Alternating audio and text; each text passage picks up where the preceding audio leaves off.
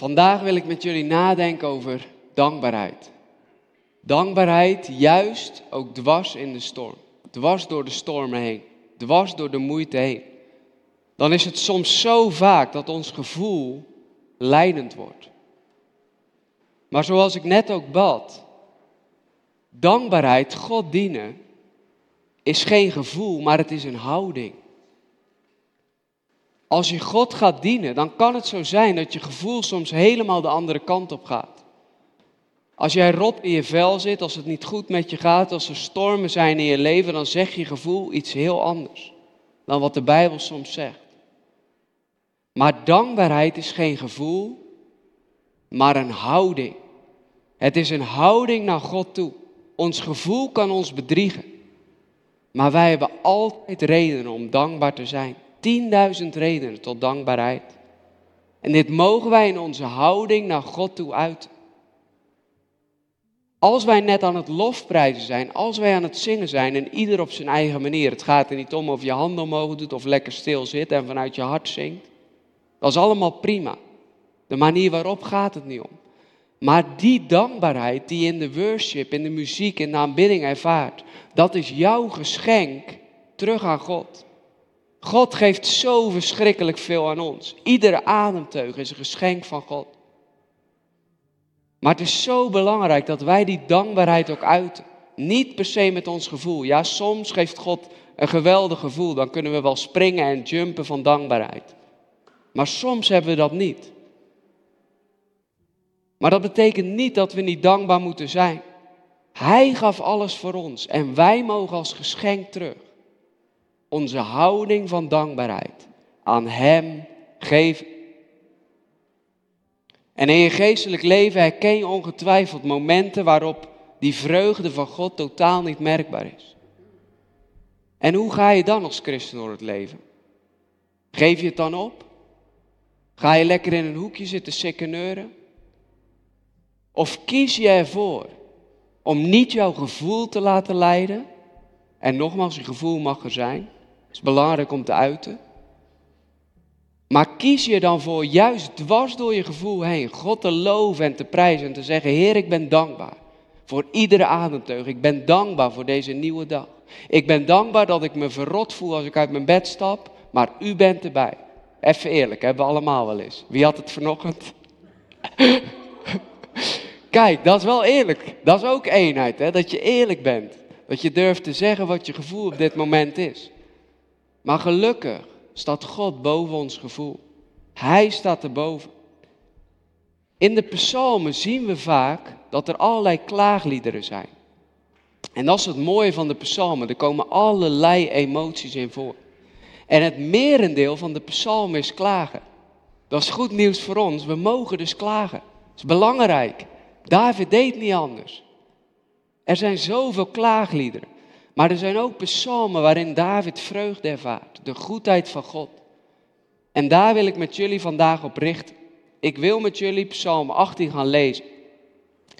En dat is een psalm met heel veel versen. Dus ik doe nu de helft. En een andere keer als ik bij jullie kom, als ik nog terug mag komen natuurlijk. Dan doe ik het tweede deel van psalm 18 een keer.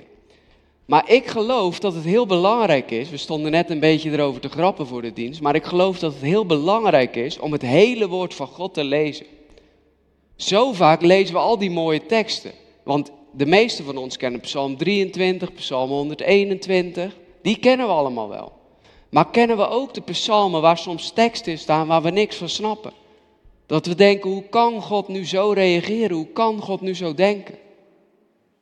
Er staan soms heftige teksten in de Bijbel, maar het is goed om het hele woord van God tot je te laten spreken. En ook de uitleg zelf erin te verdiepen en het tot je hart, en ik zeg bewust ook tot je verstand te laten spreken. Want je hart is soms gevoel, je ziel is gevoel en dat is mooi. Maar soms wil God ook gewoon tot je verstand spreken. Dat als je soms helemaal niks voelt, dat er gewoon opeens een Bijbeltekst oppopt in een situatie en denk je, dank u weer. Die tekst die had ik nodig. Ik voelde niks bij. Maar ik weet dat uw woord sprekend is, scherp, als een tweesnijdend scherp zwaard. Ik wil gaan lezen Psalm 18, vers 1 tot 25. En dat doe ik vanuit de Bijbel in gewone taal. u een andere vertaling leest, lees natuurlijk gewoon mee, maar dan kan het soms net iets anders klinken. Dus Bijbel in gewone taal, Psalm 18, vers 1 tot 25. Daar gaan we, lekker de Bijbel induiken. Een lied van David, de dienaar van de Heer, voor de zangleider. David zong dit lied om de Heer te danken. Want de Heer had hem gered van Saul en van al zijn andere vijanden. Ik heb u lief, Heer. U geeft mij kracht. U beschermt me. Bij u ben ik veilig. God, bij u kan ik me verbergen. U helpt mij en u bevrijdt mij. U redt me van mijn vijanden. Breng eer aan de Heer, want ik riep naar Hem om hulp en Hij heeft mij gered van mijn vijanden. Ik was al bijna dood. Het land van de dood zag ik al en ik was heel bang. De dood was heel dichtbij, hij had me bijna te pakken. En toen schreeuwde ik om hulp naar mijn God. Vol angst riep ik naar de Heer. En hij hoorde mij roepen. Vanuit de hemel hoorde hij mijn stem. Toen schudde en beefde de aarde. De bergen schudden heen en weer, want de Heer was woedend. Er kwam rook uit zijn neus en vuur uit zijn mond. De Heer spuugde vlammen van vuur uit. Hij opende de hemelen en kwam naar de aarde. Op donkere wolken kwam hij naar beneden. Hij kwam omlaag op zijn hemelse wagen en de wind blies hem vooruit. Hij verborg zich in de duisternis. Het was donker om hem heen, donker van wolken en regen. Vuur ging voor hem uit, wolken van hagel en vuur. En uit de hemel klonk de donder van de Heer. De Allerhoogste liet zijn stem horen. Hagel en vuur kwamen neer op de aarde. En de Heer stuurde bliksem om zijn vijanden te verjagen. Met pijlen van vuur maakte hij hen bang. De Heer was boos, hij was woedend. Hij liet de aarde beven.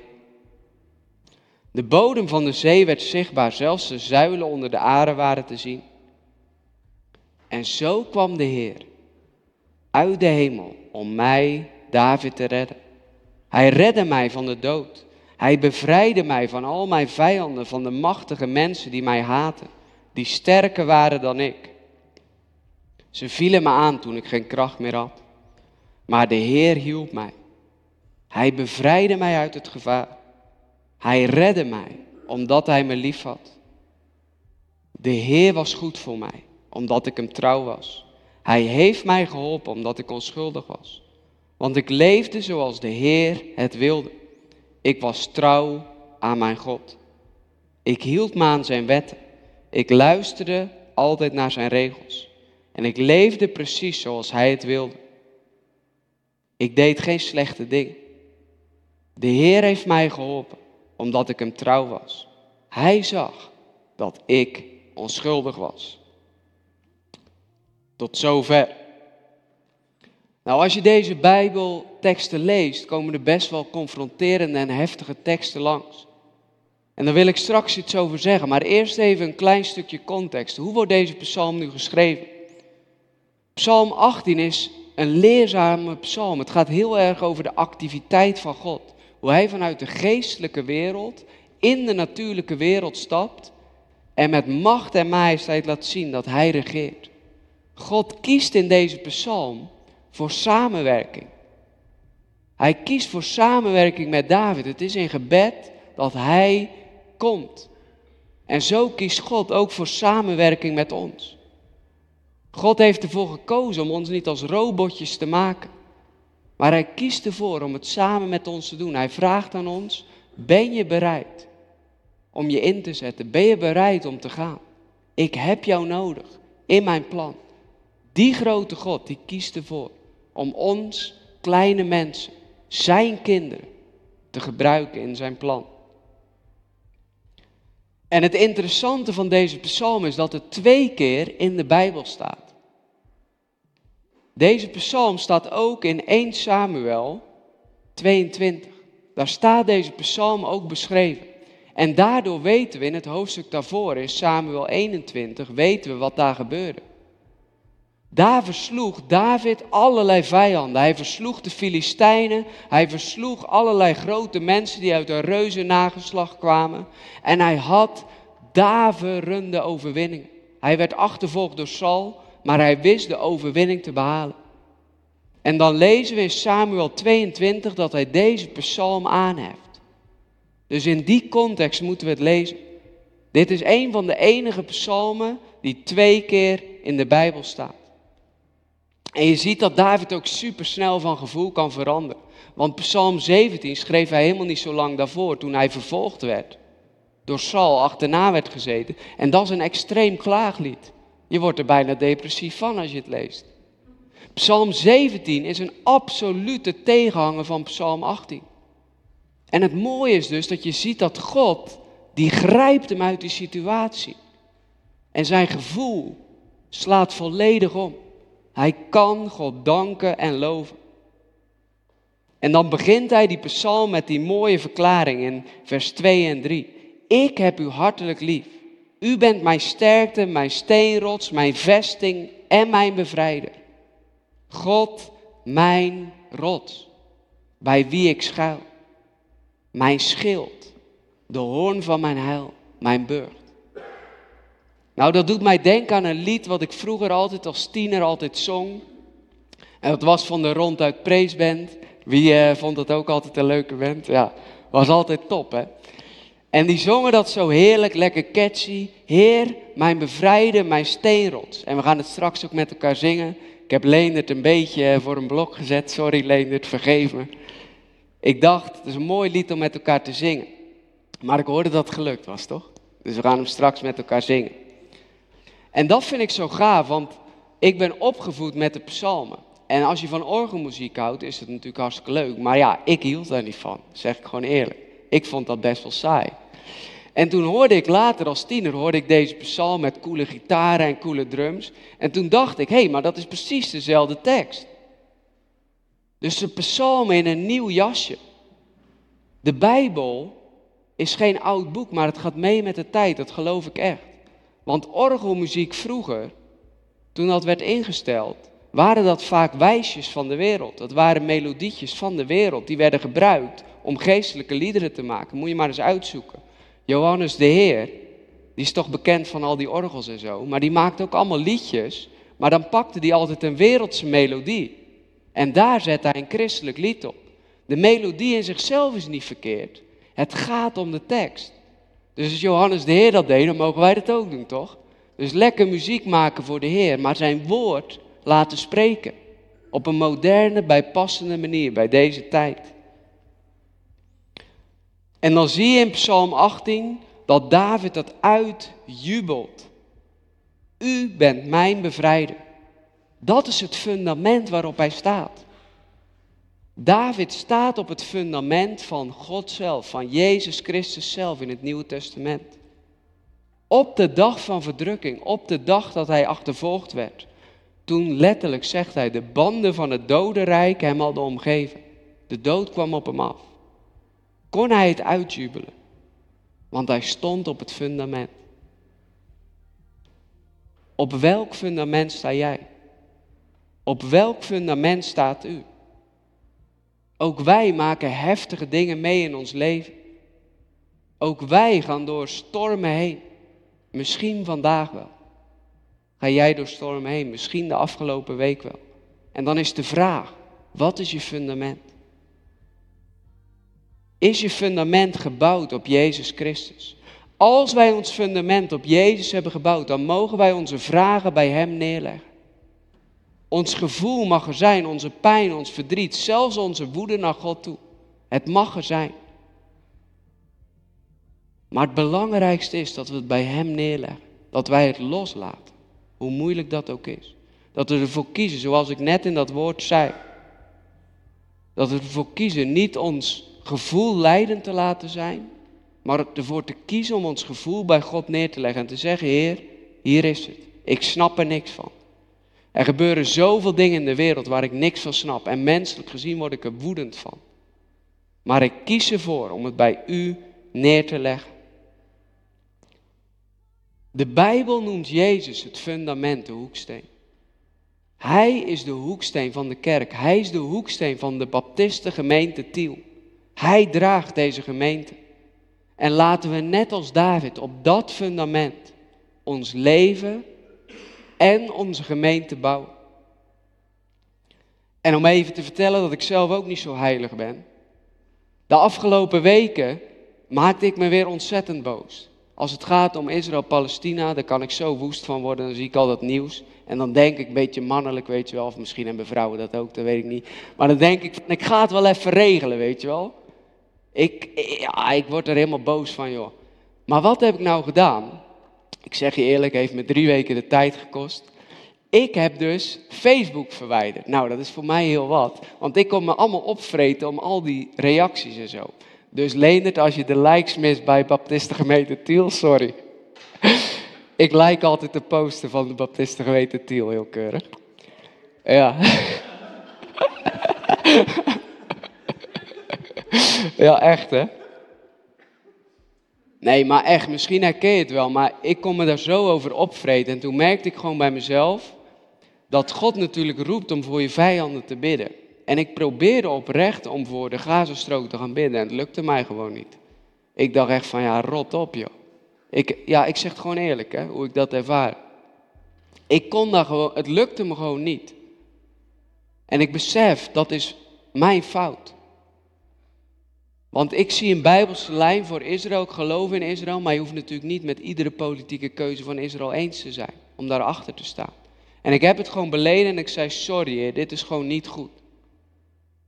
En ik heb het bij God neergelegd. Ik heb gewoon gezegd, Heer, ik wil zo graag ook voor mijn vijanden bidden, maar het lukt me niet. U bent mijn voorbeeld. Ik sta iedere zondag te preken. En u zegt vijanden lief te hebben en het lukt me niet. Maar ik wil ervoor kiezen niet mijn gevoel leidend te laten zijn, maar uw woord. Ik wil ervoor kiezen om juist voor mijn vijanden te bidden. Om juist ook voor al die mensen daar te strijden in gebed. En ik zeg je eerlijk, ik ben daar nog lerend in. Want als ik dan gisteren weer zie dat er in Londen 300.000 mensen lopen voor een uh, pro-Palestina demonstratie, dan kan ik gelijk weer boos worden. Dat is dan iets, dan in mij word ik gelijk weer boos. En dat is niet goed. En waarom deel ik dat nu? Misschien sta jij heel anders in deze discussie. Het gaat niet om per se deze discussie. Maar ik deel het om te laten zien, we zijn uiteindelijk allemaal hetzelfde. Of je hier nu in het worship team staat, of je hier staat te prediken, of dat je iedere avond ongezien in je hoek zit te bidden. God kent je. God ziet jouw leven. God ziet wat je voor hem wil doen. Of je bereid bent om te gaan. Maar hij weet ook dat je niet perfect bent. Hij weet ook dat je hem nodig hebt. En net zoals ik hem nodig heb, hebben wij hem allemaal nodig. En moeten wij ervoor kiezen als de storm tekeer gaat om met David te zeggen, u bent mijn fundament. U bent mijn hoeksteen. En daar bouw ik mijn leven op. Amen. We zien dat vanuit die nood David begint uit te roepen naar God. Het is een gebed, een hulpgeroep van een rein, vrij man, geliefd door God. En dan blijft het resultaat niet uit, want we zien dat God op dat gebed reageert. En dat doet hij ook nog op een heftige manier. We lezen in vers 8. Toen schudde en beefde de aarde. De Heer spuugde vlammen van vuur uit. Hij opende de hemelen en kwam naar de aarde.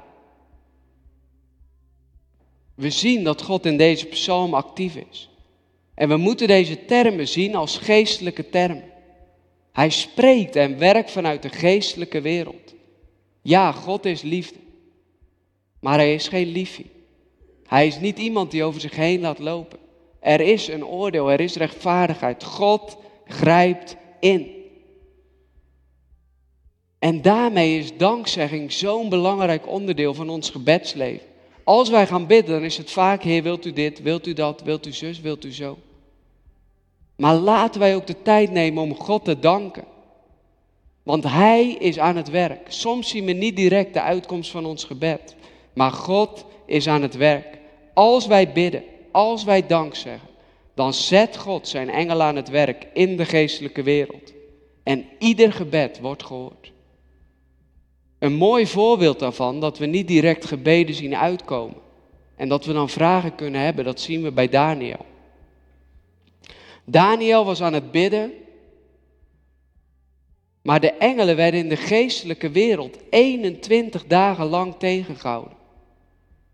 Dus David, hij bad een gebed en rechtvaardig, sorry, Daniel bad een rechtvaardig gebed. Maar het duurde 21 dagen voordat hij de uitkomst zag. Waarom? Die engelen waren in de geestelijke wereld aan het strijden. Ik wil die tekst graag voor je voorlezen. Dat staat in Daniel 10. Daar lezen we dat Daniel tegengehouden wordt in zijn gebed. De duivel en zijn demonen vechten tegen de engelen.